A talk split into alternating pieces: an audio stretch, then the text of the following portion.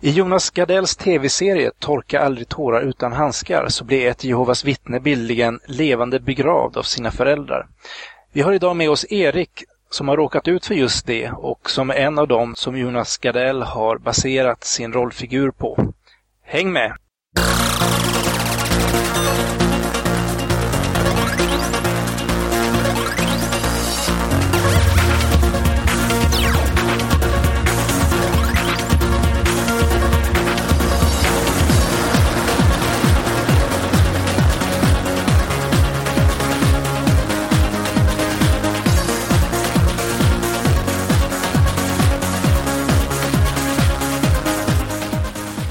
Efter två välförtjänta veckors semester från vår kära podcast kommer vi nu med ett nytt och rykande färskt avsnitt av Mellan svart och vitt. Yay! Vi, vi har ju trots allt kört konstant hela sommaren med färska avsnitt. Så vi förtjänar lite semester, eller vad tycker du Thomas? Ja, absolut. Det var faktiskt rätt skönt med en liten paus. Eh, så att, eh, och jag känner de, de tre första dagarna då var, det, då var det faktiskt bara skönt att kunna släppa det här lite. Men sen rätt snart tyckte jag att lusten började komma åter. Och eh, nu har det kliat ordentligt i fingrarna tycker jag den sista veckan här. Det är ju mest du som har gått in i väggen. Jag är ju... Jag var ju hela Gått in i tiden väggen, liksom, det är jag som gör större delen av jobbet. därav Eh, gått in i väggen. Jag tycker att vi kastar oss över de aktuella händelserna här. Och Ja, men du en- innan vi gör det. Ni kanske Jaså? hörde att vi har, vi har ju ändrat inledningen lite grann. Och eh, när vi började köra det här programmet så sa du att du inte ville kalla dig ateist. Nej. Nej. Utan du ville kalla dig... Alltså jag tänkte, Humanist. tänkte vad fan ska jag kalla mig just för att du kallar dig för kristen tvivlare och vad det nu var. Så tänkte jag, så tittade jag, så ska, hum- humanist låter ju bra för att de står för bra och bra värderingar och så. Och sen eh, i takt med avsnitten här så har jag fått påpekanden men så där tycker inte humanisterna och så där tycker inte de. Och tänkte jag, nu måste jag ju bredda mig ännu mer alltså. Nu, nu tapp, tar jag bort det här med Ja. humanisten. Så, Så- vad blir det nu då? Nu är jag liksom eh, bara draggan liksom. Precis, eller som ditt nya Twitter-handle. Draganist. Draganist. right. Så eh, ska ni twittra till mig eh, sen så är det alltså att draganist som gäller. Precis. Och vill ni bli Draganist så twittra Lys- till ly- Lyssna på @draganist. svart och vitt. Ja. Ja, då så aktuell händelse sa vi. Yes. Så mycket bättre kom igång och jag tycker att det känns lite som att eh, Så mycket bättre har blivit eh, mycket sämre i år. Det känns som att det är lite för mycket avdankat tycker jag. Ointressanta avdankade artister liksom. Man tar in Magnus Uggla som är utan tvivel Sveriges mest överskattade artist. Men om jag ska gå in här direkt, du säger avdankade. Jag menar det är, ju- det är ju små eh, ungtuppar som Darin och sådana som är med. Han kan väl knappast vara avdankad. Hänger du inte med hur det funkar nu för tiden? Alltså, Darin, det var ju länge sedan. Ja, du menar att han har haft sin tid menar du? Ja, för länge sedan. ja, det vet jag inte. Men eh, om jag ska gå in på Uggla istället, vem, vem är han överskattad av skulle du säga då? Av Sverige, för att han har ju som tur är då inte lyckats nå ut med sitt gift utanför Sveriges gränser. Alltså Men- mannen har ju gjort en låt Jo, men- och sedan gjort 111 versioner av samma låt som dessutom är fruktansvärt dålig. Men har han försökt att gå utanför. Sveriges gränser? Jag bryr mig och jag orkar inte, alltså... Jag menar, han skriver ju allt sitt material på svenska, vilket är ju visst begränsande. Sen är det Ja. väl så här att Uggla är väl alltid en som har fått han har fått dålig kritik tror jag av recensenter, men är alltid är den som säljer mest skivor. Han, det har du koll på? Ja, jag har för mig det. Faktiskt. Det är, inte så, det är inte så att hans morsa jobbar på SVT och hans farsa jobbar någon annanstans. Så att det är liksom att det är någon som håller upp honom fast han faller som det bara smäller liksom. Men vilka artister skulle du vilja ha med då? Det var en bra fråga. Det känns som att det är svårt att slå förra säsongen. Då var det ju många bra artister som dessutom var intressanta. Jag får nog ta och suga på den karamellen lite grann. Vem vill du ha med? Björn Skifs är ju en riktig entertainer och som har en del fina gamla dängar också från, eh, från förr. Så han tror jag skulle funka. Salem Al Fakir tror jag skulle vara han lite spännande. kunde jag tänka mig. Eftersom han är en sån som helt klart skulle kunna göra intressanta nya versioner på låtar, inte minst. Nej, håller med. Honom skulle jag Ehm. också kunna tänka mig faktiskt. Per Gessle på grund av hans eh, långa rader med hits. finns många låtar att göra om. Boring. Doggy Doggelito kanske? Ja, det är en frisk fläkt. Ja, det finns ju inte sådär jättemånga, tycker jag, intressanta rap och hiphop-artister så här. Ursäkta alla ni som är inne. Så här. i Sverige. Nej, men någonstans ändå. Va? Och eh, Doggy och Latin Kings var ju ändå rätt så nyskapande när de kom och han är en personlighet. Peps Persson. Ja, han är härlig. Den han skulle vara fin. gärna. Absolut. han är ju grym live och, så. Och, eh, ja, sen Robin. Ja, hon är ju grym. Hon är ju grym. Helt klart. Svante Turesson. Vem är det? Nej, men det är en skön, skön gammal snubbe. Sjunger, sjunger jazz. Eh, så. Okay. Eh, sjunger jazz med Monica Zetterlund också. Hon är ju tyvärr död annars. Så skulle hon ju varit en het kandidat. Och sen, eh, varför inte Carola? Nej. Nej men håll med, alltså du skulle ju tittat om det var Carola. Alla skulle ju tittat om nej, det var Carola. Nej, faktiskt inte. Jag pallar inte lyssna på henne överhuvudtaget. Okej, okay, så du har slängt alla dina Carola-skivor? Jag har aldrig haft någon Carola-skiva. Kommer aldrig ha någon Carola-skiva. Nej, okay. Men Främling är faktiskt rätt så okej, okay, just den låten. Det är bra.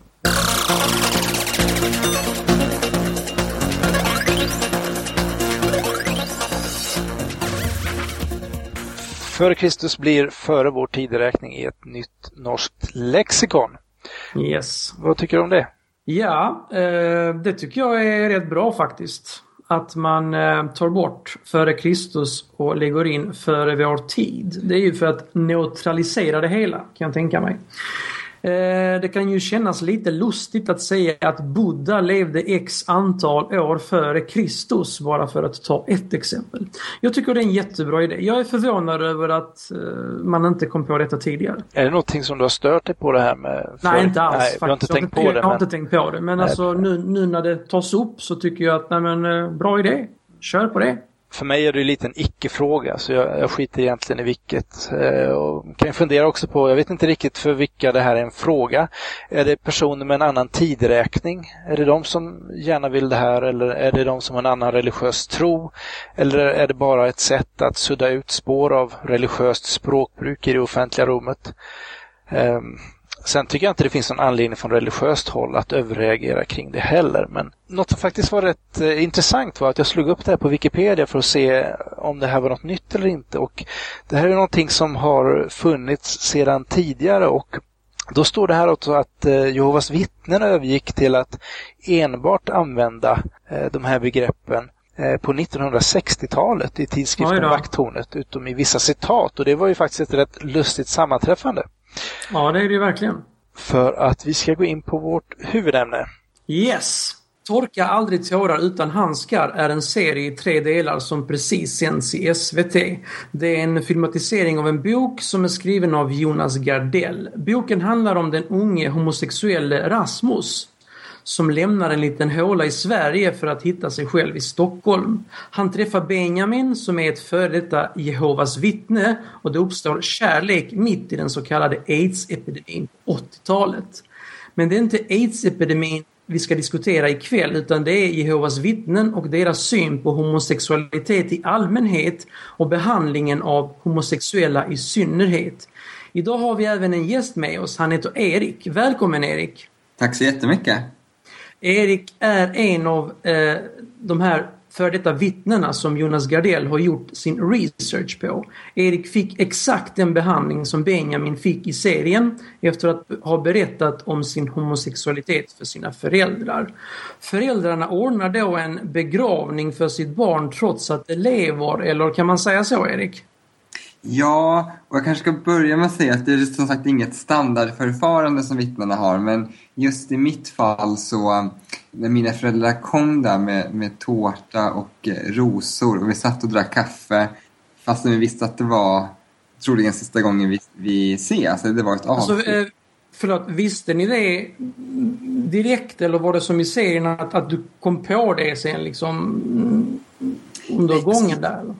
Nej, alltså egentligen så visste väl jag varför de var där. Um, jag var väl chockad att de kom, för de kom helt oanmälda och uh, någonstans så var jag väl inte beredd på att, att jag skulle behöva ta ett eh, man säger, fysiskt farväl just där och då till, till mina föräldrar. Um, men alltså vi, de visste ju varför de var där och jag visste varför de var där. Så att någonstans så, så fanns ändå känslan. Och jag tror att det här just uttrycket begravningskaffe som kommer fram i serien.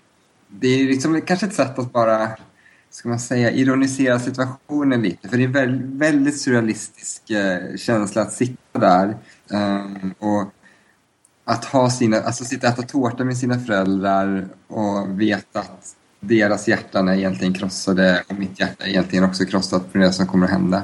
Mm. Mm. Hur brukar man göra? Du sa att det är inget standardförfarande. Finns det ett standardförfarande? Nej, det är nog ganska olika från familj till familj. Jag, jag vet jättemånga som, eh, och faktiskt en del av de som har kontaktat mig efter sen den här serien har sänts, som fortfarande har kontakt med sina familjer. Alltså där familjerna har valt att kunna kanske se lite vidare perspektiv på det hela.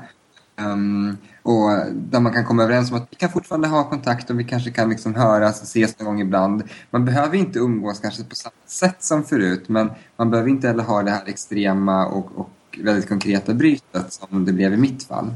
Accepteras det från samhället, från det Jehovas vittnen, det här liksom samhället då? Att man fortfarande mm. håller kontakten? Alltså det är lite känsligt det där. Eh, I deras egen litteratur så är de ju väldigt noggranna med att betona att det inte är okej okay egentligen. Alltså det finns egentligen ingen ursäkt för mm. en förälder att ha kontakt med ett barn som är, som man säger, uteslutet eller som själv har lämnat.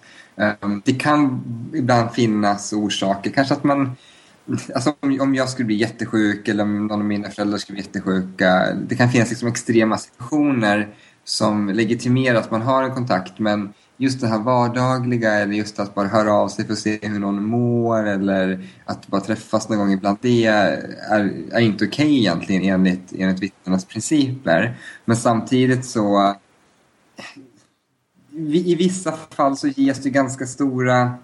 Hur ska man säga, det finns ju inget sätt för, för vittnena heller att gå på eller ska man säga att... Eh, inte straffa är fel ord, men ja, det, finns, det finns inget sätt för dem att, att, straffa den som kanske har kontakt med sitt barn. Okay. Jag tänkte också en, en fråga här.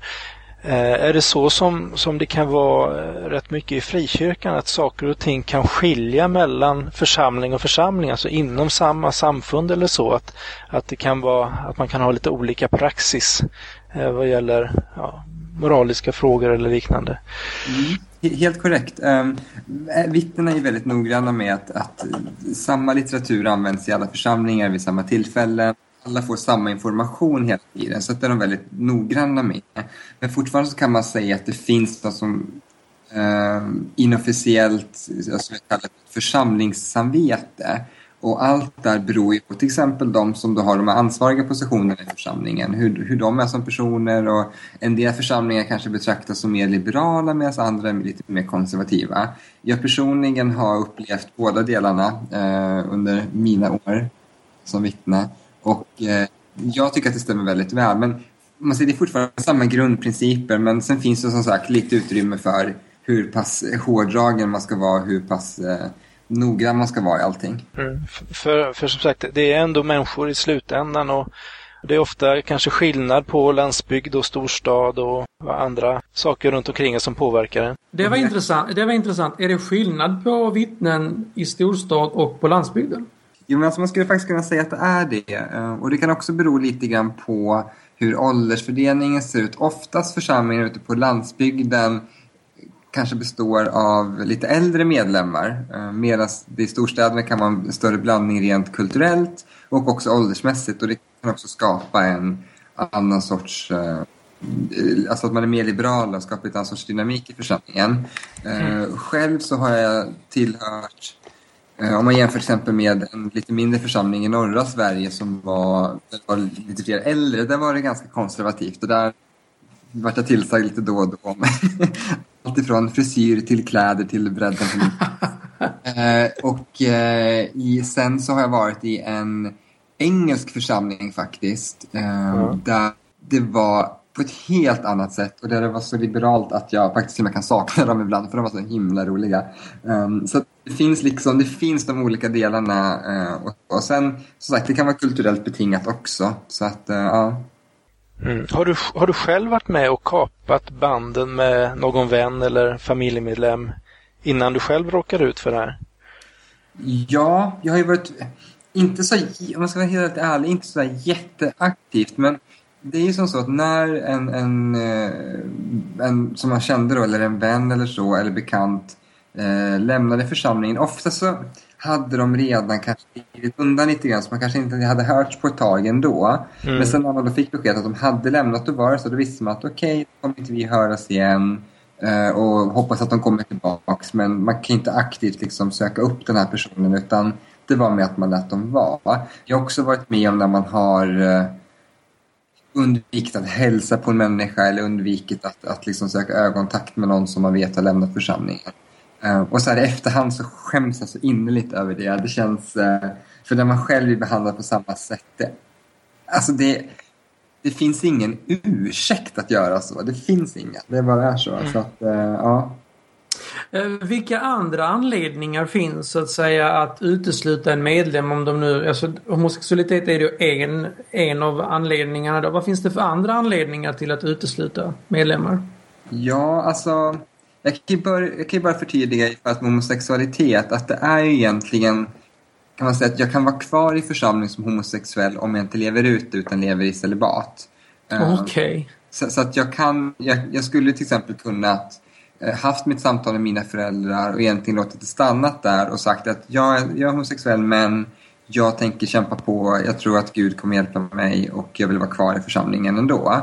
Uh, och då hade det inte varit så stor grej egentligen. Så kanske man hade behövt prata om det med dem lite ofta. Alltså, vet, så att man liksom, de har koll lite grann på hur man mår och hur man känner sig så. Men jag, i princip så kan jag alltså vara kvar i församlingen om jag inte lever ut det. Uh, i, och jag ska också säga att för när man blir utesluten. Man säger, jag gjorde ett aktivt val att lämna församlingen men om man då blir utesluten så får man, eller man ska alltid få frågan om man vill vara kvar eller inte och om man då är villig att ändra sig. Så att tanken att man ska aldrig bli utesluten utan att man själv då har fått så att säga godkänna det eller fått säga sin sak i det hela. Um, så, som, kan jag säga som bakgrund bara. Ja, Okej, okay, det var intressant. Men de, de vanligaste orsakerna är väl oftast att man har sex utanför äktenskap det kan handla om allt från att man aldrig varit gift och har sex med någon eller att man är gift och är otrogen.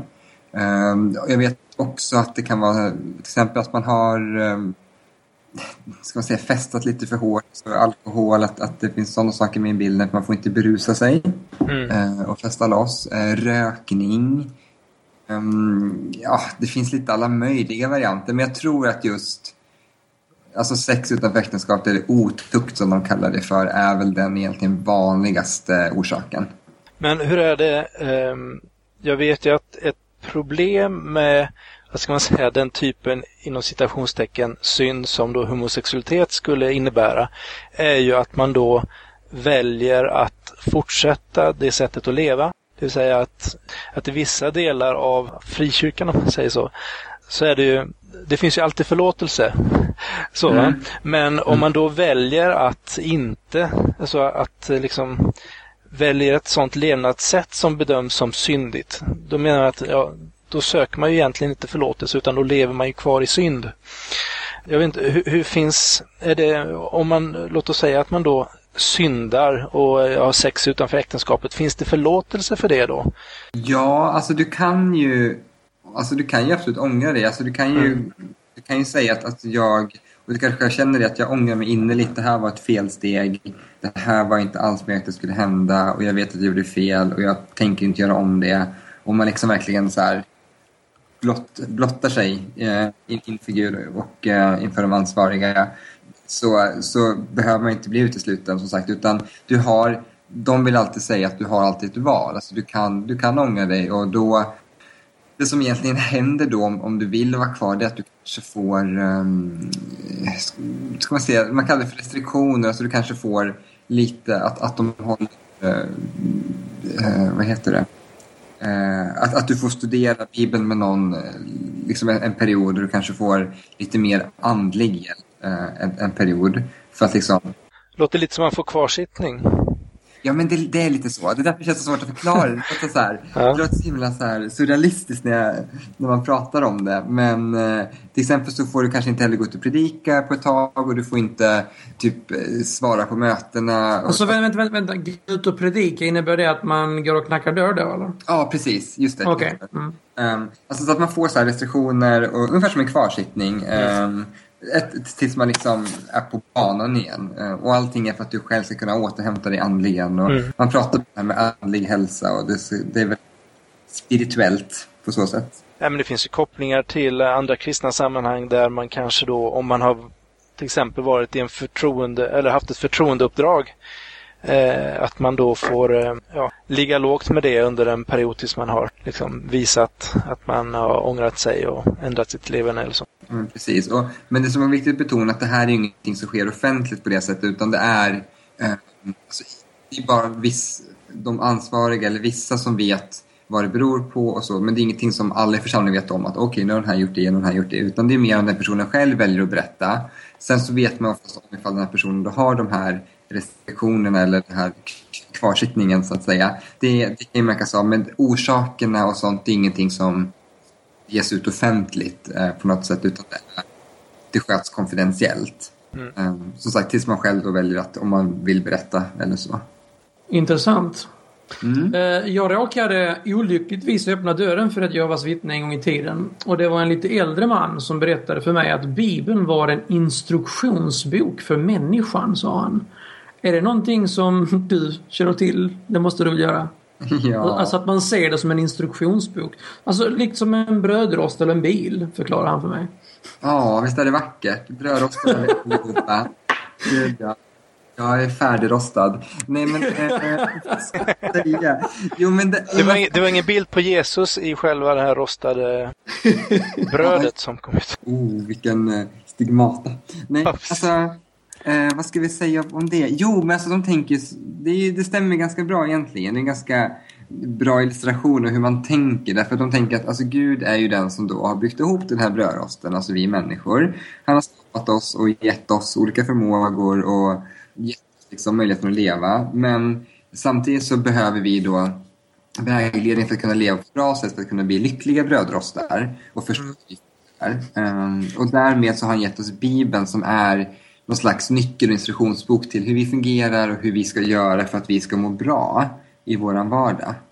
Fast det är ju mycket tolkning i den liksom. Alltså, eller har de liksom, eller är det en tolkning som... För, för problemet är ju att många tolkar den. Det är därför det är så många avarter av kristendomen liksom.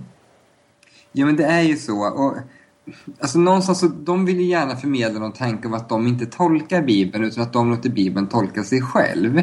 Ja fast det gör den ju inte. Nej, eller...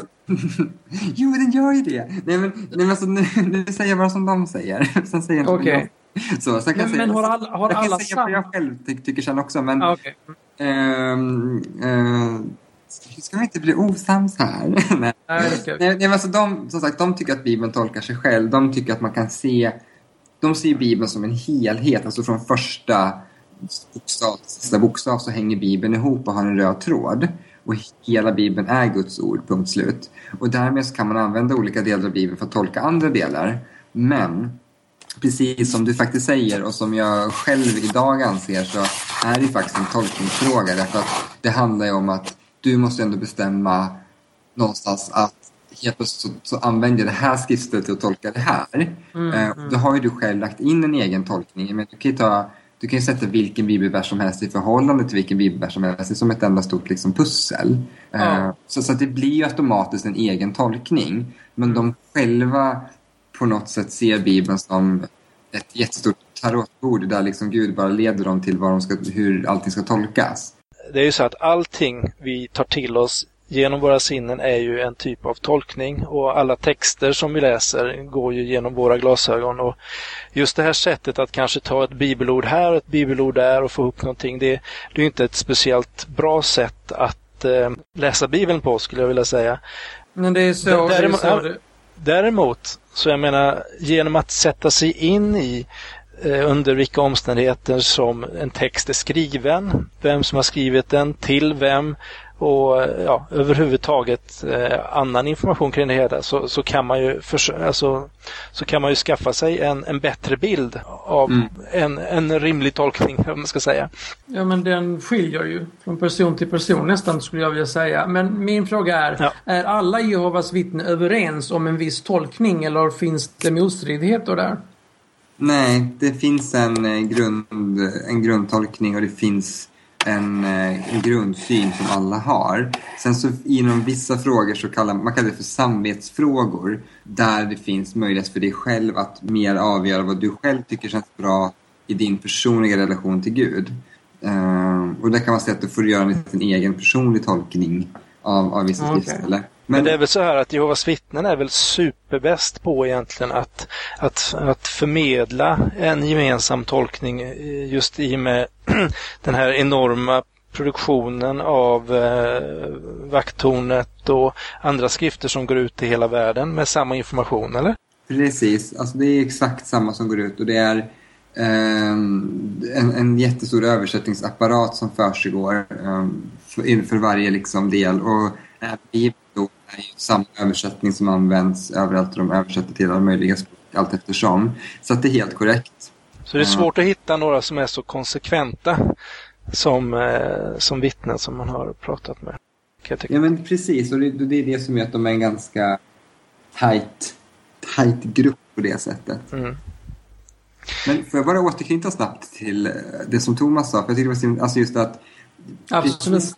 Alltså precis så jobbar vittnena, ska jag säga. De har, de har en hel bok som går ut på, där man går in på bakgrunden till varje bibelbok och vem författaren var, vilken tidsperiod han levde i, hur de var påverkade flera av andra saker, varför han skrev som han gjorde. Så det, det är en helt korrekt eh, reflektion. Alltså det går ju att på något sätt kanske minska tolkningsutrymmet lite grann genom att, att gå in på de här bakgrunderna. Men någonstans så finns det alltid tanken också att där det inte går att förklara. Så det är där tron kommer in och tron på, på Gud, den röda tråden i Bibeln, att det är så här, så här det är. Mm. Att, eh, för jag menar, även om något skrevs för tusen år sedan där i Bibeln så kan de säga, ja hur ska vi moderna människor kunna tolka det här eller använda det här? Mm. Och då kommer det in det här med, med Gud och brödrosten igen så att säga. Så att det, mm. någonstans så finns det alltid Alltså hur mycket de än försöker visa att de är så vidsynta så tycker jag att det slutar lite grann med att man hamnar in i lite grann samma spel igen. Och det är samma som från de sammanhangen som jag kommer ifrån ursprungligen så, så talas det också om att, att den, den heliga anden ska, eh, ja, vad ska man säga, uttolka skriften eller ge en uppenbarelse vad, vad, som, vad som står ja, i Bibeln. Då, så att det är en faktor X där också. Yes. Eh, kan du gissa Erik vilken bok från Jehovas vittnen som jag har i min bokhylla? Oj! Jag tror inte alla har den. Nej men gud vad spännande. Men jag tror att du har haft med den när du har varit ute eh, och missionerat. Inte för att visa för andra men för din egen skull. Resonera-boken tänker du? Jajamän, resonera med hjälp av skrifterna. Poäng till mig. ja, då, då, då, får ni, då får ni nästan förklara lite vad det är för någonting, för jag har ingen susning. Och det är fantastiskt. Men har du den? Jag tror Jajamän. att jag har kastat min. Gud, nu ångrar jag det. Ja. Um, nej, men man kan säga det är som en liten handbok i hur du ska bli framgångsrik och predika. Och du har...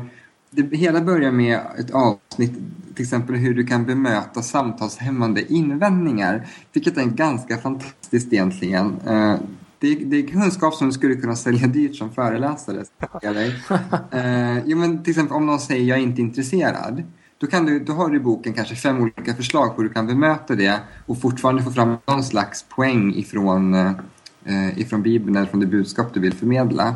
Och sen så går den ämnesvis igenom olika då frågor man kan få och de bibliska förklaringarna på det hela. Ja, okej. Okay. Ja, den, den, är helt fantastisk och om du träffar någon som säger att jag, jag tror så eller därför tror jag inte det och hur är det med det här så, så har du flera olika alternativ på hur du kan mm. Så du har den, vad spännande. Ja, det är nog inte alla som har va? En fråga, en, fråga till dig, en fråga till dig Thomas, vad gör du med den? nej men jag... jag eh, Berätta nu för oss. Ja, nej men jag har alltid varit väldigt intresserad av um, de här rörelserna som har befunnit sig lite utanför den det jag skulle säga då, den allmänkristna fåran då, mormoner och Jehovas vittnen och sånt som jag klumpade ihop då. Tycker du om att plåga dig själv eller? vad? Nej, men med stort intresse faktiskt. Nej, men det är ett av mina största intressen. i- jag får säga. Men det är faktiskt intressant. Alltså, den är, just att det är så här bibeltunna blad också. Ja, dessutom. precis. Ja. Det är så galet mycket information på de sidorna. Det är, och den är, alltså, den är faktiskt ganska fascinerande. Gud, nu ångrar jag att jag slängde den. Jag måste försöka ta på ett nytt exemplar. Nej, men du vet när andra var ute och festade och sprang efter tjejer och sånt där, då satt jag med mina skrifter och så. Nu säger jag herregud fast jag inte tror på Gud. Men, men du, Erik, vilket bibelord stöder man sig på när man, just det här med att kapa en relation med en vän eller familjemedlem och om man då är homosexuell och så. Står inte det i Resonera-boken? Det gör sig, jag har inte den tillgänglig, men, eh, Nej, vi Vi se. tror du kunde den utan till. Ja. men du har ju varit ett vittne, du skulle kunna klämma det här från, skjuta från höften ju. Och jag så tyckte jag var sånt himla bra vittne, nu inser jag hur dålig jag egentligen var. Ehm, det här ska jag nästan behöva kolla upp, men det står att Jag har kollat upp det faktiskt. Ja, det. Tack och lov. Ehm, Ja. Men jag tror det står någonstans om att du ska ha du ska inte ha den onde mannen i din krets någonstans. Nej, och, precis. eh, du ska inte ens uttala en hälsning till honom. Utan, och, se, det här är väl någonstans precis kring den första kristna församlingen var det väl? Ja. Kan det vara eh, Paulus som skriver? Eller Paulus skriver, du börjar närma dig. Ja, jo, men det, alltså, för det, är mycket Vilket här brev? som hur, det var ju så det gick tillväga där i den första församlingen. Alltså typ, Mm. ja men hur ska vi lägga upp det här, hur funkar det här? Och då kommer typ de här små principerna lite då och då. Jo, precis. Ehm, Nej, det här är ju från... Snälla säg helt korrekt Ja, vart det kommer det är, är först, första Korintierbrevet, femte kapitlet och sen har jag tagit från vers 11 till 13. Eh, Mm. Jag kan ju läsa för, eh, från Nya Världens översättning för din skull här. Men nu skriver jag till er att sluta upp att vara sällskap med någon som kallas broder och som är otuktig eller girig eller en avgudadyrkare eller en smädare eller en drinkare eller en utsugare. Ja, att ens äta med en sådan. För hur kan det vara min sak att döma de som är utanför? Det är en del som har frågat om de ska umgås med drinkare. Eh, och tydligen är det okej om, om då det är folk som är utanför kretsen. Men dömer inte ni de som är innanför medan Gud dömer de som är utanför? Avlägsna den onde mannen ur er krets. Gud vad duktigt förberedd den är, vad imponerad blir. men det här är helt fantastiskt. Ja, och det är ju tuffa ord. Så att eh, jag var faktiskt i kyrkan här innan idag Ja. och eh, frågade prästen vad han, eh, eh, vad han säger om det här. Så om ni hänger kvar ska ni få höra vad han sa. ja. Ja, så ja, men en liten stund då bara. Men ett sånt här bibelord som egentligen säger då att de som eh, är i ens... Eh, ja, men de som är i församlingen men som då inte lever upp eller som lever på ett omoraliskt sätt. Att man ska liksom hålla dem hålla sig borta från dem. Vad, Där, där har ju, Tack för idag. tack ska du ha. Där har ju folkkyrkor och frikyrkor rätt olika förhållningssätt. Eh, Där, I en folkkyrka finns det ingen möjlighet att ha Paulus församlingarna som eh, ideal för organisationen för det är en sån helt annorlunda organisation. Så på det sättet bryr vi oss ärligt talat inte så mycket om, om den typen av organisationer. För de, de, de gäller inte oss på något sätt. Eh, Jag tror man ska ta det på allvar och vara väldigt bokstavstrogen mot början på breven. När, Jesus, när Paulus skriver till församlingen i Korint säger jag detta. Det, det är kontextuellt, det hör hemma där i den konversationen jag har med dem. men du menar att i det sammanhanget skulle det kunna vara eh, I det sammanhanget hade, riktigt? Det skulle kunna vara Guds vilja i, i den det sammanhanget situationen? hade säkert Paulus en, en tanke med att han skrev som han skrev. Ja, okej. Och den tanken kan vara svår för oss att riktigt rekonstruera för vi, vi vet inte allt som hänger ihop med det här.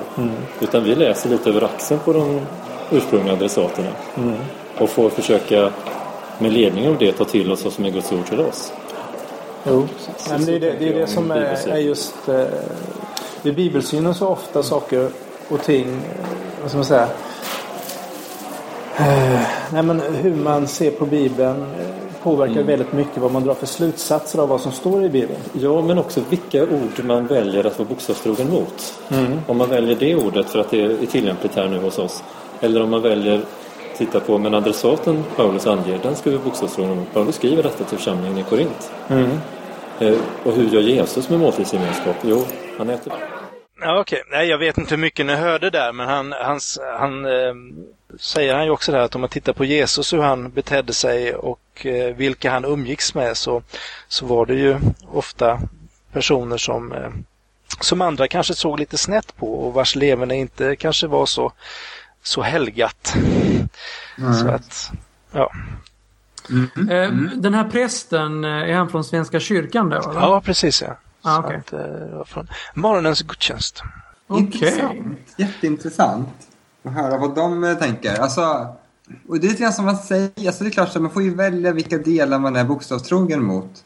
Lite grann så, men alltså det är lite sådär Någonstans så, jag kan väl säga lite krasst att, ja men någonstans, det här står ju ändå ganska ordagrant rätt upp och ner i det som är liksom hela kristenhetens lärobok mm. eh, och grundbok. Och eh, Alltså, ska jag välja att vara bokstavstrogen mot det första, det första paragrafen i den boken men sen resten får jag... Det vill säga, jag vet inte, man måste vara lite konkret någonstans också.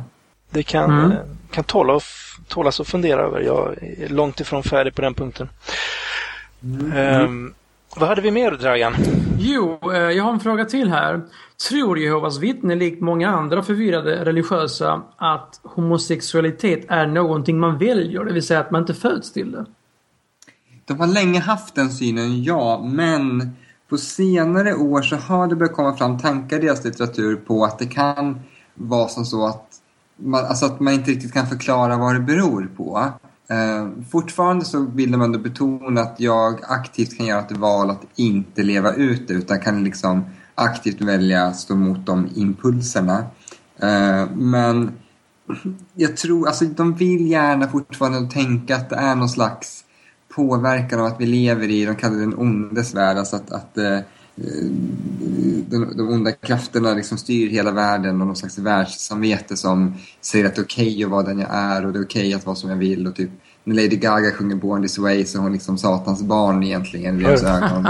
Um, så att, ja, det är, alltså, de vill ju gärna tänk, tro det att, att vi påverkas och formas av det samhälle vi lever i, vilket är ju en poäng i och för sig. Men där är också att homosexualiteten lika gärna skulle kunna vara en produkt av det eller som sagt att man säger att ah, vi kanske inte vet exakt vad det beror på men du kan stå emot. Och det är det som är För just eh, i och med att du sa det här innan att, att det är okej okay att vara homosexuell bara man inte lever ut det tyder ju på eh, att det finns någon typ av förståelse för att, att man kan vara eh, homosexuell. Ehm, varför... eller, eller, eller så säger de bara tyst och lid. ja, det är ett så här modernt martyrskap. Liksom. Det är min tortyrpåle. Ja. ja. man ska vara lite så här, det pratas om den här törnen i köttet, eh, tror jag. Och, eh, Precis. Jag tror även att Paulus skriver ju att han har en törne i köttet eller något liknande. Och han levde ju också i celibat, så han kanske var bög då. Ja, fast de, de framför någon tanke om att han hade typ så dålig syn eller vad det var. Jaha. Ty, typiskt att det ska vara ett vittne. Som de, de har alltid bättre koll. Ja, de har ju det. Man ska aldrig ifrågasätta dem. Kolla, kolla resonera boken. ja, precis. Jag fick eh, smisk, jag på säga. Nej, men jag fick eh, bibelsmisk av eh, vittnen som heter Roger som brukade besöka mig. Mm. Eh, just när vi pratade om, ja, nu går jag sakerna i förväg här. Fast han är väl före detta vittne va? Nej, men vi pratade om hur många ärkeänglar det fanns. Eh, och jag menade att det fanns flera. Att eh, Gabriel var ju också ärkeängel. Eh, och han bad mig slå upp då var det stod någonstans. Och jag hade någon sån här eh, bibel på CD eller sådär på den tiden. Men det fanns ju bara på något ställe och då var det Mikael. Och det kanske vi kommer att återkomma till lite senare. Jo, eh, jag är intresserad av en annan sak. Eh, Jehovas vittnen har ju en egen tolkning av Bibeln. Ja. Eh, hur mycket skiljer den sig från den här katolsk-protestantiska ortodoxa versionen av kristendomen som, som finns? Vad är, vad är de stora skiljelinjerna? Tänker du själva tolkningen eller själva översättningen? Översättningen. Översättningen. Um, det de själva har gjort är att de har gått till grundtexterna och varit extremt noga i sin översättning. Um, man Grundtexten har... från när? Från, alltså de... Ja, hebreiska, arameiska, allt. Alltså, okay. De har gått till de gamla skriftrullarna man hittat i princip. För du Dragan, mm. ja. Bibeln är inte skriven på svenska från början. Ja, men hallå. Fortsätt. Okay, ja. nu. De har gått till de gamla svenska skrifterna. Eh, men de har gått till de gamla, alltså till, till, till, all- så långt man kan liksom hitta de här gamla pergamentrullarna och allt möjligt. Ehm, för att säkerställa att man verkligen har en korrekt eh, översättning. Man har återinfört Guds namn i, i hela Bibeln. Eh, du, de, har, de har ju liksom valt ganska noggrant formuleringar för att eh, de tror inte på en treenighetsläran. Så att därför har de noggrant separerat just att, att Gud är då Jehova, alltså Fadern. Och sen så Sonen är Jesus och det är en separat varelse. Och sen så den heliga anden är ingen person utan det är liksom Guds verksamma kraft. Och det gör ju att formuleringarna genom hela Bibeln blir liksom på ett annat sätt. Mm. Okej. Eh, varför firar inte Jehovas vittne jul? Eh, de tycker inte sig se spår i Bibeln av att eh, Jesus är född i december månad. Eh. Nej. När är han för, när är han för en Jehovas vittne då? Han är född tidigare på hösten. Okej. Ett höstbarn. Okej.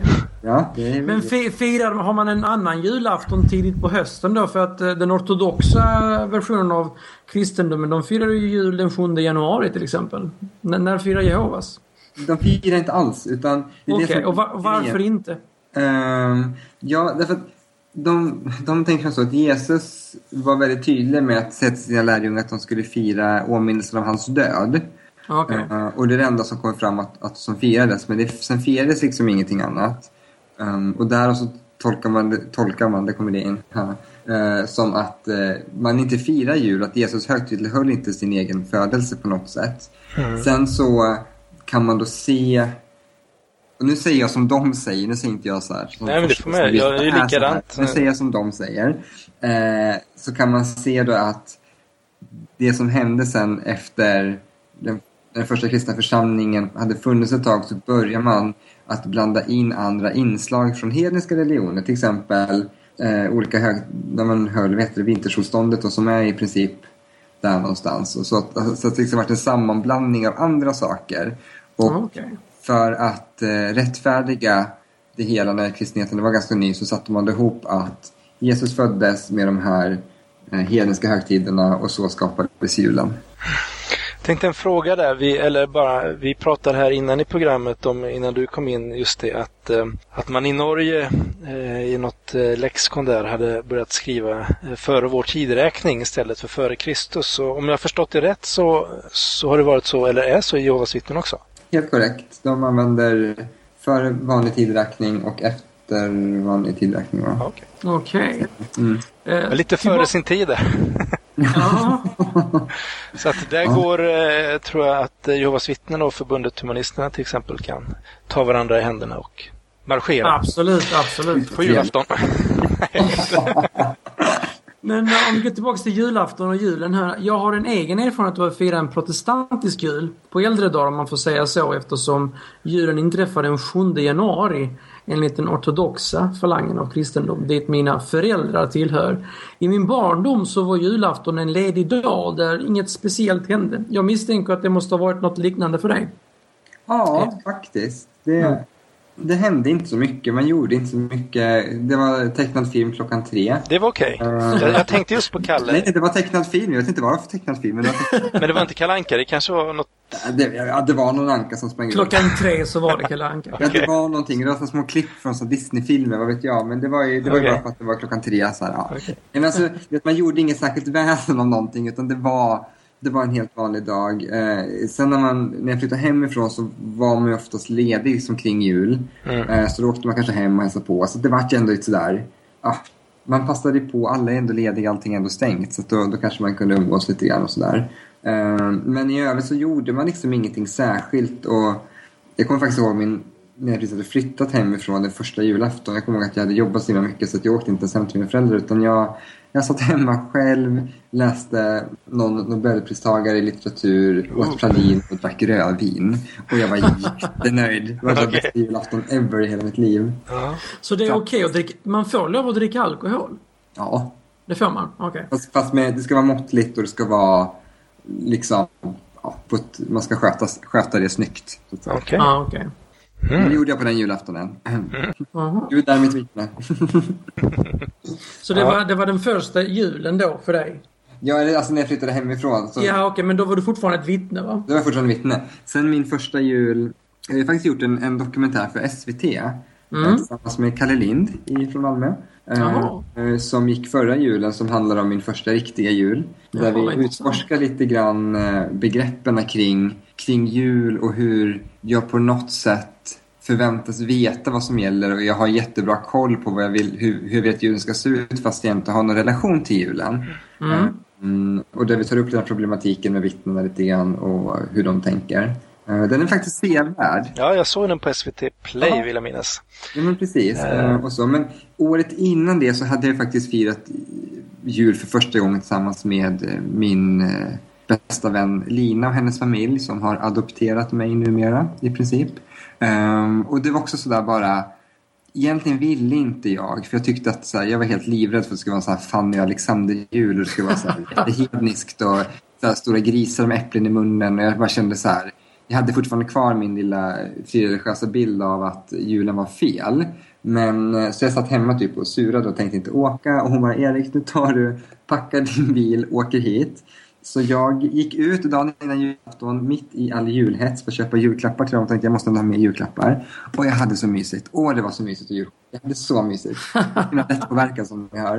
Äh, åker dit och deras julafton är så totalt avslappnad. Alltså de gjorde ingenting i princip. Vi kollade på Kalle Jag åt prinskorv tills min mage liksom var helt svämmad. Um, och vi bara, alltså det var liksom inget, alltså det var inte så himla farligt och det var inte så himla märkvärdigt. Var det uh, några religiösa inslag överhuvudtaget? Nej, faktiskt inte Inge, hos... Inget julevangelie eller ja. Nej, julmusik? Ja, men, men, men det hade jag nog lyssnat på lite grann på egen hand innan okay. tror jag. Men, alltså, de var verkligen så jätteavslappnat. Mm. Sen har jag då firat två år då med eh, numera mitt ex eh, och hans familj. Och då har det varit eh, gått till kyrkan på klockan två blir det var jul, på julafton, vid tvåtiden. Mm. Um, och, så då har vi lite mer kyrkliga inslag. Men fortfarande liksom inget, inget jätte... Det är mer en mysig högtid. Man äter mat och, och myser och liksom julklappar och sånt där. Hur kändes det att komma till kyrkan då? Känner du bara hur det... Jag menar, du är ändå eh, uppväxt och drillad i, i, inom Jehovas vittnen. Och så... Vände det sig i magen när du tycker de säger fel och, och sådär?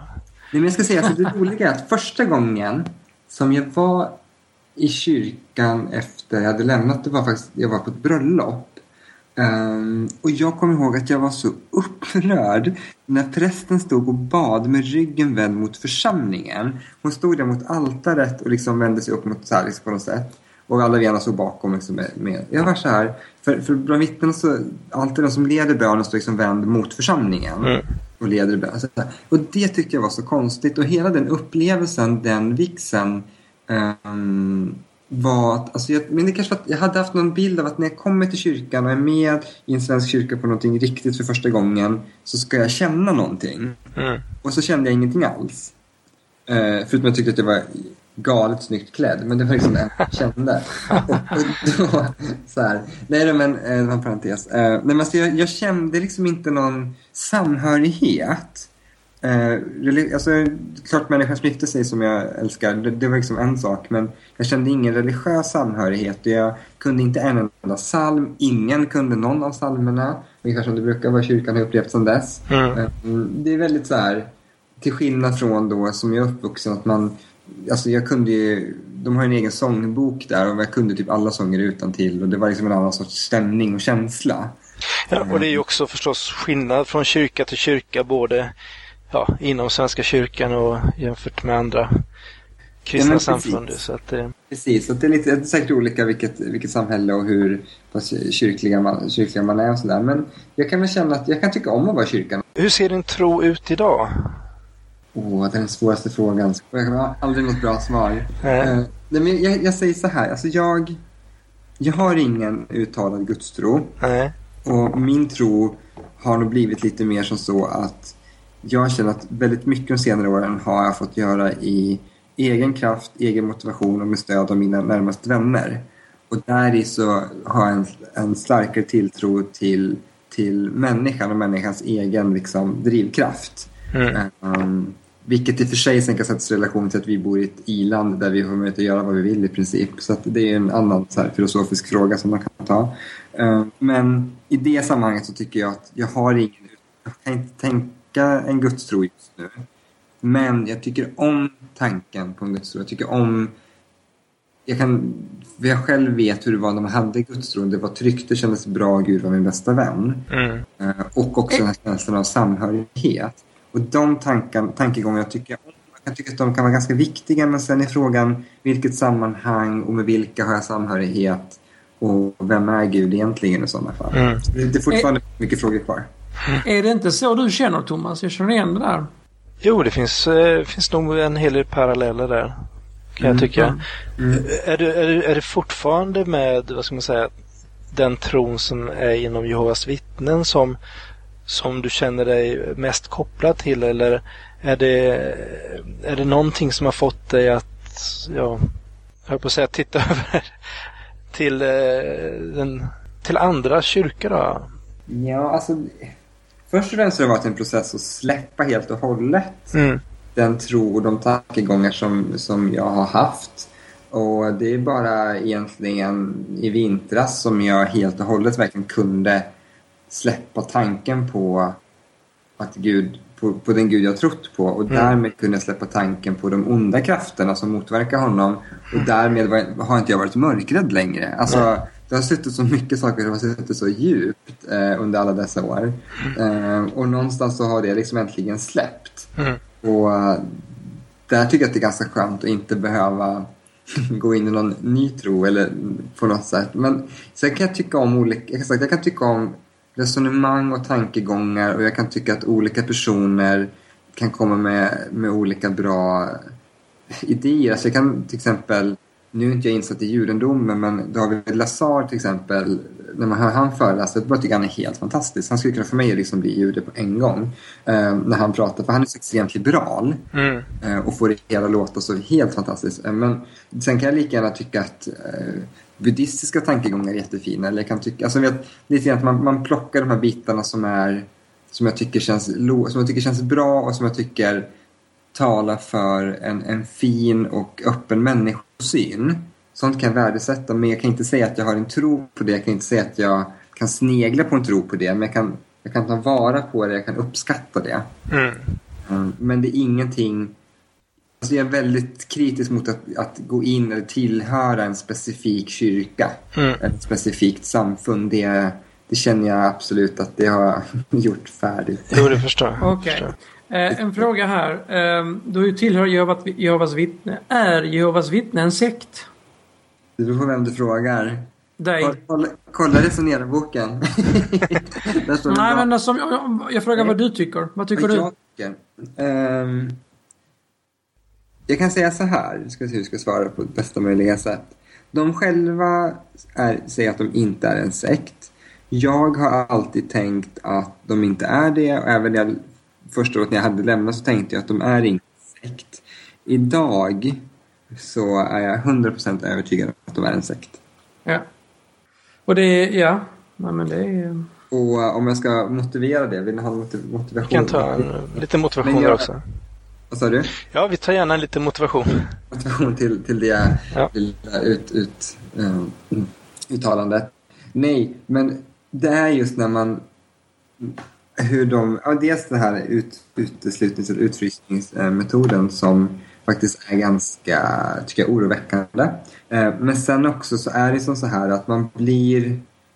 Även om du hela tiden tänker att jag väljer det här själv så blir det så extremt påverkad av, av det man lär sig i församlingen och också av synen på världen runt omkring. Så att även om man då går och predikar och upplevs som extremt öppna så har jag själv känt att man har en väldigt sluten tankevärld. Mm. O- Okej. Om vi går tillbaks till serien. Hur kom du i kontakt med Jonas Gardell? Eh, jag skrev ett helt bara vanligt litet fanmail till Hagedell och eh, skrev att jag tyckte han var jättebra och att jag uppskattade hans arbete. Ehm, och sådär lite naiv som man då var när man var ny, ut, nyutkläckt frireligiöst så, så tänkte jag han kommer svara. Men han gjorde faktiskt det. Han svarade. Mm. Och eh, i vår konversation så kom det då fram om min bakgrund och att han då höll på att jobba med den här, det här projektet som han hade hållit på med några år redan, som jag förstår det. Um, och den här karaktären Benjamin då som han då hade tänkt att ge bakgrund som man hade bestämt vittne. Jag tror faktiskt han hade bestämt det redan. Uh, och då kom liksom mina erfarenheter väl till pass av ja, hur det kan vara att komma ut som homosexuell framförallt. Um, okay. I det hela. Så så började vårt samarbete. Mm. Eh, finns det fler vittnen som har fått den här behandlingen från sina föräldrar eller det är olika från familj till familj? Det finns flera men som sagt det är olika från familj till familj. Um, det finns som sagt ingen sån mall för hur man ska hantera de här frågorna för familjerna. Okay. Mm. I mitt fall som sagt så, så vart det väldigt sådär, precis som scenen visade, lite mm. surrealistiskt och de kom hem och vi drack kaffe och sen tog vi farväl. Uh, men det, det, det, kan vara olika, uh, olika skeenden och det kan också som sagt vara familjer som fortfarande väljer att ha kontakt med sina mm. barn. Mm. Hur är det, alltså den scenen förstår jag är, är, väldigt nära det som du har varit med om. Var det andra delar i filmen som, som var liksom väldigt stark, som var stark igenkänning för dig? Ja, alltså det var väl sådär, fast det är det som är så intressant med den här berättelsen. Alltså jag menar hur Jonas har vävt ihop alla de här livsödena. Alltså, för jag kan lika gärna känna igen mig liksom i alla andra karaktärer också i saker och ting. Så det är nog liksom väldigt så här, igenkännande i många, på många olika plan. Men just Benjamins karaktär så är det väl mest den scenen. Mm. Eh, lite grann den här konversationen om svordomar som de har. Mm. Mm, nu har jag lärt mig att svära och jag kan inte sluta och jag måste nästan lära mig att sluta svära bara därför. jag har blivit en riktig borstbindare. Hur pass, hur pass mycket alltså, hade du sett av, av, filmen innan den, eller serien innan den sändes? Jag fick ju vara med på förhandsvisningen som var en okay. vecka innan. Så okay. då fick vi se alla tre ett maraton. Men sen har Jonas varit väldigt öppen i arbetet. I fall gentemot mig med eh, eh, jag tror gentemot alla som varit involverade ja. så att man vet vad som händer. Ja, liksom. okay. Den information man har gett, hur den har hanterats. Så att jag har genom hela processen känt mig väldigt trygg och det har känts väldigt bra. Mm. Um, och det har varit väldigt kul att få jobba med honom på det sättet och liksom få vara med. För jag har också känt så här, ja, men ju bättre han kan dramatisera och också visa kanske hur det funkar. Det här är bara en liten del av en bakgrundsberättelse egentligen, här med vittnena. Men mm. ju bättre han kan liksom få fram det och ju mer trovärdigt man kan göra det, desto bättre tycker jag att det är för, för liksom de frågor som behöver lyftas i samhället. För det är en fantastisk scen det här på slutet med, med den här begravningen i Jehovas vittnen-kulisser. Eh, ja. Och gud, alltså den är, jag kan ta fram Det är alltså min absoluta favoritscen. Ja det tog ett par dagar efter ett förhandsvisning innan jag kopplade den scenen helt och hållet. Okej. Okay. okay. Mm, och eh, för någonstans så men det var så gripande och han dog. Hela, hela begravningen började att nu ska vi begrava honom i Jehovas namn. Ja, precis. Eh, och sen så, så, så satt man liksom, alltså jag satt och grät så mycket så jag hade inte kopplat vad som hände där i bakgrunden. Okay. Men någonstans så är det... Jag skrev faktiskt en text om det bara häromdagen på min blogg om just hur det paradiset faktiskt är ett mycket bättre paradis. Mm. Vi får länka till din blogg. Ja. ja, men det måste vi nästan göra. Ja, rättvis. Så, nej, men, men alltså just hur... Det är första gången som jag faktiskt ser en bög i paradiset. Det är första gången som jag ser en död människa i paradiset. Och det är första gången som transor dansar runt i paradiset. Någonstans så säger jag att ja, men det här är typ det bästa paradisbild jag sett i hela mitt liv. Eh, och jag tycker att just den scenen för mig är bara rent geni från Jonas sida, alltså hur han har fått ihop den scenen. Jo, jag håller med. Jag både skrattar och grät samtidigt. Ja. Tror jag, när, jag så det... himla bra. Så att jag, den scenen är, ja, jag är i in å, vad säger man? Jag är förundrad. Alltså, men det var en jobbig serie att se tycker jag. Alltså, den var liksom, det var, det var liksom mycket känslor hela tiden och det var mycket död och, och sorg och Ja, och tänk dig när man ser alla tre avsnitt på en gång. Eller ja, jag, jag fick ju sträckse dem nästan i veckan innan. Ja, men, ja, men, alltså man behöver pauserna emellan ja. för att liksom kunna reflektera. För det är väldigt gripande, tunga historier. Och sen just också som att allting är ju autentiskt. Jag menar, alla de här bitarna som Jonas presenterar har liksom hänt på riktigt.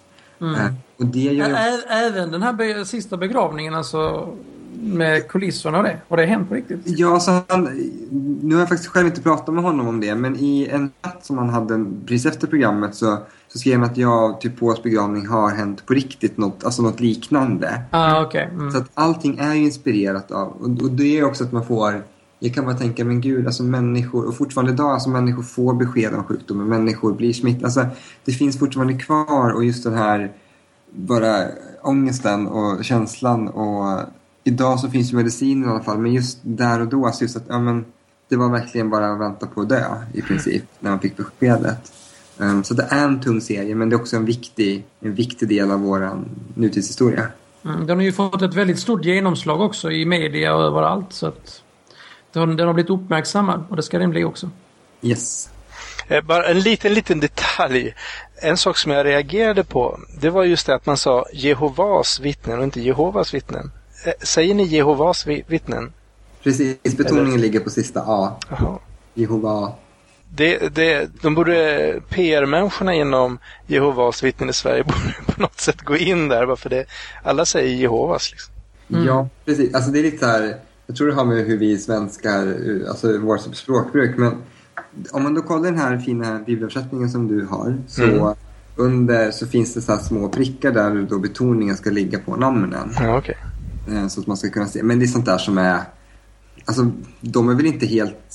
Alltså det utgår ju från de hebreiska grundbokstäverna JHVH. En del säger mm. Javé.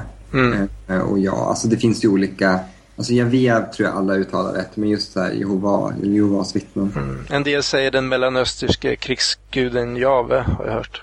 Ja, ja men precis. Så det, det finns lite olika versioner. Men, men de, de själva är enligt de officiella korrekta uttalet Jehova. Mm.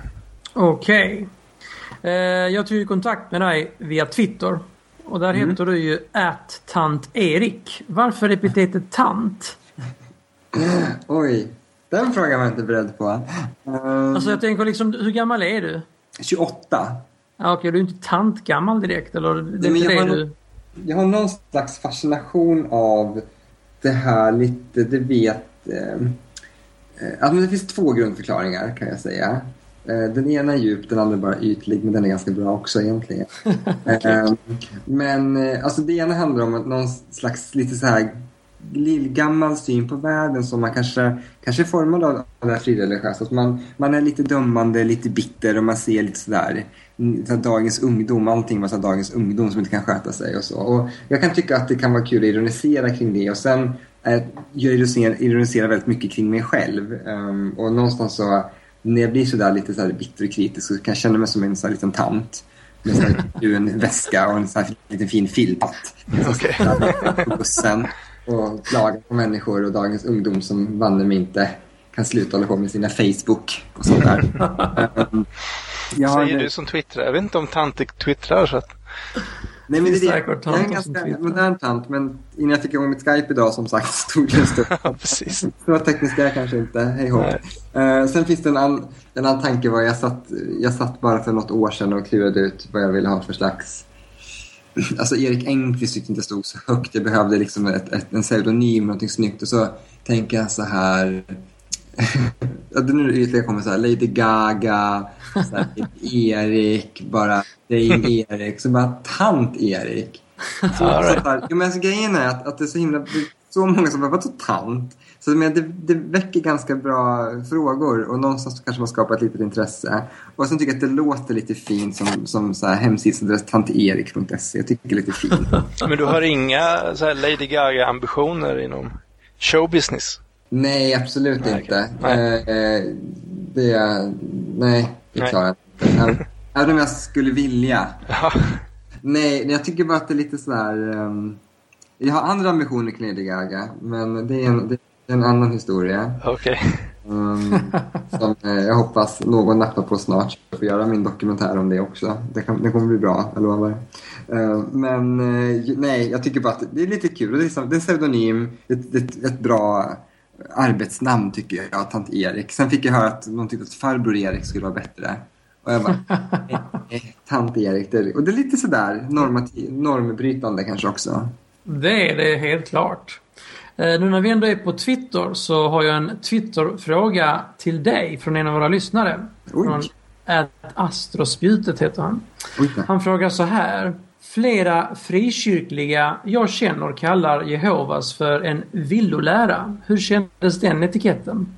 En villolärare från vilken lärare undrar jag då? Eller har du känt på mycket från andra kristna under uppväxten att, att de har sett eh, Jehovas vittnen som en villolära eller en sekt? Det är mer snarare vittnena som är lite rädda för de andra. Alltså, jag kommer ihåg en familj där jag växte upp som var pingstvänner. Uh, och någon gång när de var hos oss så ville de att vi skulle be tillsammans inför maten och vi tyckte det var okej. Men samtidigt så var vi så extremt skeptiska för att det var de som skulle be på sitt sätt. Att det var nog mer, tror jag, att, att vi var rädda för dem och lite sådär för deras villolära eller deras liksom, tolkningar och sätt att vara. Mm. Men jag har nog aldrig upplevt, jag har nog mer upplevt att alltså, människor har mycket fördomar och mycket, fast inte fördomar tycker jag är fel ord egentligen. Människor har mycket frågeställningar kring vad vittnen egentligen går ut på. Och Mm. det har jag fått möta. Eh, ibland uttrycka fördomar, men många gånger så är det faktiskt bara rena frågeställningar. De undrar, men vad håller ni på med egentligen? Vilka är ni? Vad tror ni på? Varför tycker ni så här?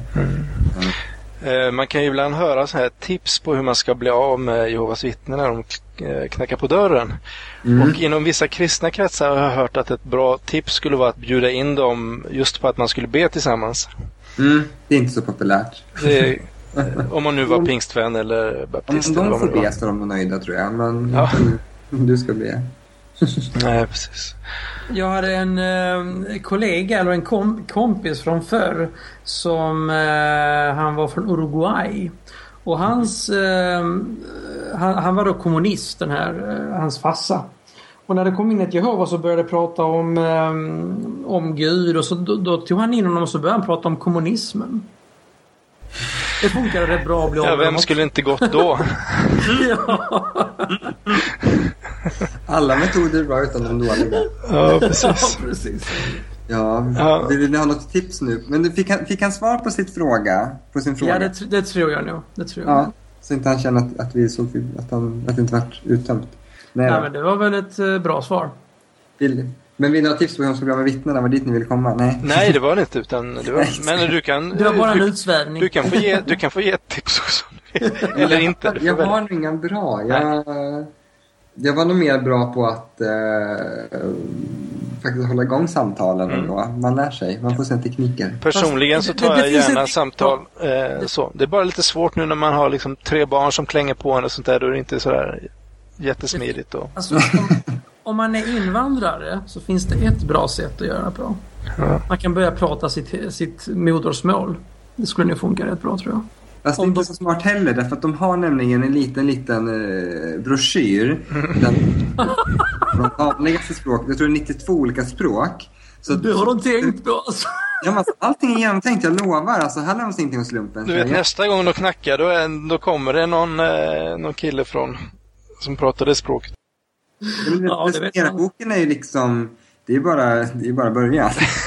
Oj. Alltså, men så tar du fram den så visar du frågar vilket språk du pratar, eller han pratar, så kan du visa då vilket, om de nu kan läsa, vilket de förhoppningsvis kan. Så kan de då se, kan de peka på sitt språk så står det upp en sida så kan de läsa då ett grundbudskap på sitt eget språk.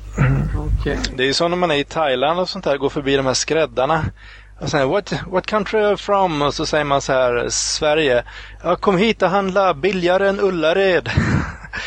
Och sådana saker. vad chockad man skulle bli. Ja, men så stod det det stod så här billigare än Ullared, stod på skyltarna och så. Och min svärfar han var ju väldigt så här besvärad av det där. Och, och, och så, här, så till sist så såg han bara sur ut och sa han, "Uh, What country are you coming from?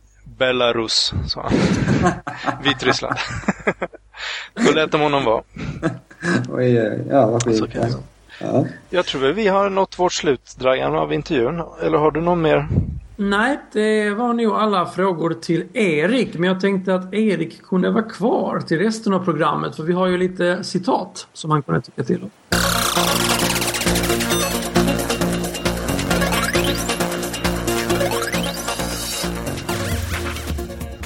Då är det dags för veckans citat. Och vi Ska börjar vi börja med med, ett ateistiskt då? Så? vi börjar med ett ateistiskt. Mm. Då, då lyder det så här. We are a situation where gay kids are getting bullied left and right but it's the Christians who are acting like victims. Det här citatet kommer då från en person som heter Hemant Mehta och är en ateistisk bloggare. Helt tyst. Förstod, förstod ni vad jag sa? Jag förstår vad du sa. Men det står i manus att du ska säga någonting så att... Eh, Jaha, okej. Ja, alltså, vad var det han sa? Vänta, kan, vill du läsa det en gång till bara? Yeah. We have a situation where gay kids are getting bullied left and right, but it's the Christians who are acting like victims. Ja. Men de är ju så duktiga på att vara martyrer. Mm. Det är det kristenheten... Alltså, gud vad fördömande det låter. Förlåt. Det är inte Nej, meningen. nej, det är lugnt. Men jag, jag tänker så här, med tanke på att oftast det är just religiösa inskränkta människor som ger sig på homosexuella så stämmer ju citatet väldigt bra. Tycker ja. jag. Men det är som att de lider av att det finns så många homosexuella runt omkring dem. Ja, ja det är så, så kan man också tolka det. Man kan Ja, men det är som att om- det är så här jättejobbigt. Verkligen. Det kanske är det. Jo, men så, som sagt, att när man, då, när man då tar kamp emot orättvisor och eh, diskriminering och, och våld mot, eh, mot eh, ja, homosexuella då, så i, den, i det arbetet då så kan det då höjas kristna röster som, där de känner eh, sig mer eller mindre förolämpade eller annat, vilket är väldigt märkligt. Och eh, som jag sa lite innan, som kristen så brukar man ju vilja efterlikna Jesus och hans exempel. Och som jag sa lite innan så den Jesus som det talas om i Bibeln i alla fall, han brydde sig om de som andra såg ner på eller såg kanske som syndiga eller eh, annat. Så att ibland undrar man hur det kan gå så fel och hur, hur man tänker helt enkelt. Då, då läser man ju verkligen inte, ja, då tar man inte till sig en del av Bibelns budskap. Nej, och sen så när de vänder det på något sätt. Alltså de lyckas vända en ganska stark kamp och rörelse som försiggår i vårt samhälle just. Alltså jag tänker på det här, alltså som säger att gay kids are bullied. Alltså jag tänker, nu återknyter till Lady Gaga, det är töntigt egentligen. Men hon har ju en foundation just som arbetar mot eh, mobbing och för att ungdomar ska kunna våga vara sig själva. Och då så tycker jag så här att om någon faktiskt kristen kyrka eller så skulle våga ställa sig bakom det och gå med istället för att de blir den här den här offersituationen eller att det blir någon slags sådär konstig känsla vart vi ska vi ställa oss i det här och så. Det vet inte, det, nästan, det ska nästan behövas. Du säger, alltså, Jesus budskap var ju ändå eh, extremt, extremt kärleksfullt och det var väl det som också gjorde att han kunde vinna över så många från judendomen på den tiden, att det var så väldigt kravlöst egentligen helt, helt plötsligt. Mm. Men någonstans så har de lyckats vända det till något modernt martyrskap. Det, det tycker jag också är spännande. Vi kommer att prata med, eh, om en månad ungefär så kommer vi att prata med Bror Sally igen, ungdomsimamen från Malmö. Och prata just om eh, kristen tro, om judendom, om, eh, om islam och så vidare. Och inom islam så hålls ju också Jesus väldigt högt som en profet och framförallt då som kärlekens profet. Mm, Så att, mm. eh, ja, jag ska ta ett bibelord också och eh, här har jag ju denna veckan spelat otroligt säkra kort. Men eh, det är ändå ett ord som, som, som kan vara väl att repetera. Jesus sa, det är från Lukas sjätte kapitlet 27, eh, 27 någonting sånt. Eh, Jesus sa, så som ni vill att människor ska göra mot er, så ska ni också göra mot dem. Det var ju ett bra bibelord men det är ju rätt så självklart egentligen. Ja, och Jesus var inte den första som sa det här heller utan eh, det har sagts av andra visa män genom tiderna. Men eh, Så det är ett plagiat alltså? nej, det kan... Eh, det är någonting som Du är sa lätt... ju. Jag tyckte bara vara lite taskig här. Ja, Vad säger precis. Erik om det här då? Alltså det, det här är lite roligt faktiskt men typ den versen använde jag som öppningsanförande när jag var ute och predikade. Och knackade Oj, oj, oj. Det var, det var det bästa öppningsanförandet ever. Fast jag använde, jag tror det var någonstans ifrån romarna, någon liknande formulering eh, som går ut på samma sak. Ja, Så jag tycker det här är jättekul att du använder just det här bibelstället. Um, för för det, var så, det var så lätt att använda så här. man börjar fråga vad de tror om Bibeln, om det kan vara till nytta för oss. Då säger de nej, det är en gammal bok. Så läser man det här så, så säger säger man... Dragan. Ja. Ja, precis. Det har jag Alltså, sagt många gånger. ja, då säger jag så här, men Dragan, lyssna Ja. här. Vad säger, de, vad säger de om det här? Om, om, eh, det här är sunt förnuft, säger jag. Då säger du, ja men det är sunt förnuft att, att göra så här. Och så säger jag, ja men tänk om alla gjorde så här, hur skulle jorden se ut då? Och då säger du, Men det hade varit underbart om alla hade be, alltså betett sig som de skulle. ja men precis. Men... eh, Men så du- är det ju inte. Nej, så, så går man vidare på det. Så kan man bara spinna vidare på att men den här lilla versen visar att Bibeln innehåller ganska mycket sunt förnuft. Ska vi se på nästa grej som är sunt förnuft? Och så börjar man fortsätta man spinna vidare på samtalet. Och hej och så hade du en jättebra, ett jättebra resonemang. Men du Erik, om, om du och jag kör här och jag hämtar min sån där resonerarbok och sånt där så kör vi med Dragan. Manglar honom ett tag, ska vi inte se. på en kvart. Vi kan, kan, Då, då, tar- då tar jag in, eh, vad heter han, Ståle. Och då får ni. Ja, Jakob Ståhle då som, eh, som har ateistbibeln, Twitterkonto och webbsajt kan vi ju här slå ett litet slag för också om ni vill läsa de bibelorden som kanske inte eh, är med i ett sånt här resonemang i dörren. Eh, Jehovas vittnen eller på väckelsemötet på eh, söndag morgonen eller söndag förmiddagen i Pingstkyrkan heller för den delen. Han fokuserar sig på tokiga bibelord då alltså. Sånt som låter riktigt, riktigt tokigt och hemskt men alltså tänk en live-omvändning av Dragan. Ja. Är inte det, är inte det alltså snacka om, det här är, handlar om någonting banbrytande. Ja, precis. Erik, det kommer inte funka. Alla ni som tycker att, att vi ska försöka omvända Dragan live i mellan svart och vitt får gärna twittra in. Eh, vi har Twitterkonto svart underscore vitt. Försöka kan ni alltid göra. Ja. Jag brukar lyckas. Vi har ett annat Okej. stå... Ja, precis. Eh, Vi har ett annat stående inslag och det är faktiskt ett musikinslag. Det är nämligen så här att både jag och Dragan är intresserade av musik och eh, vi har också en och annan sträng på vår lyra och i det här avsnittet så ska Dragan presentera en låt som han har gjort, eller sjunger på. Mm. En av mina favoritlåtar på det andra albumet som vi har gjort det är Visions of Glory som skrevs mitt under det brinnande Irakkriget och är en antikrigslåt. Och här kommer den. We can get away with it.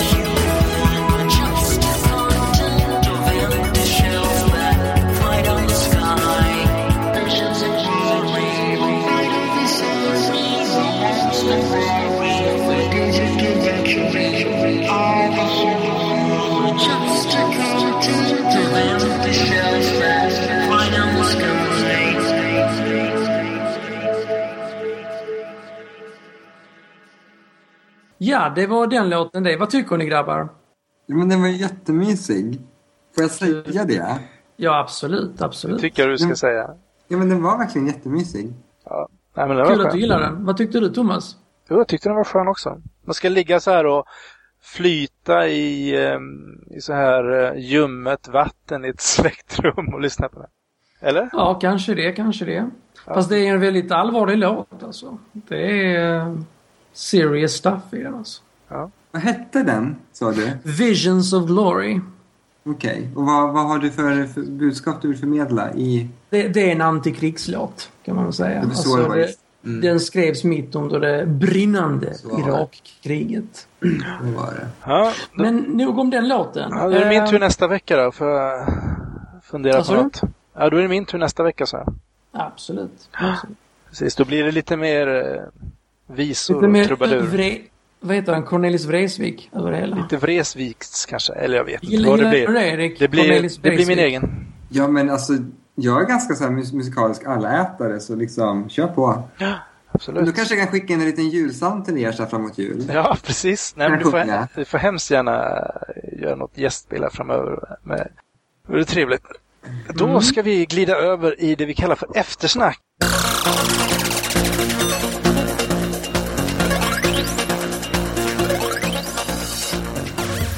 Hur, hur kändes det att vara, vara med i Mellan svart på vitt, Erik?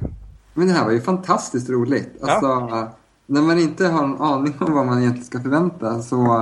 Alltså ni är hur roliga som helst. Ja, du Tackar, också. tackar. Ja, men alltså, du verkligen, också ja, men väldigt det, det, Jag tycker om att, alltså, utan att låta dryg så, men jag har fått göra några intervjuer i olika sammanhang kring det här ämnet. Ja. Men det här är bästa frågorna hittills. Right. Oh, wow! Får ge...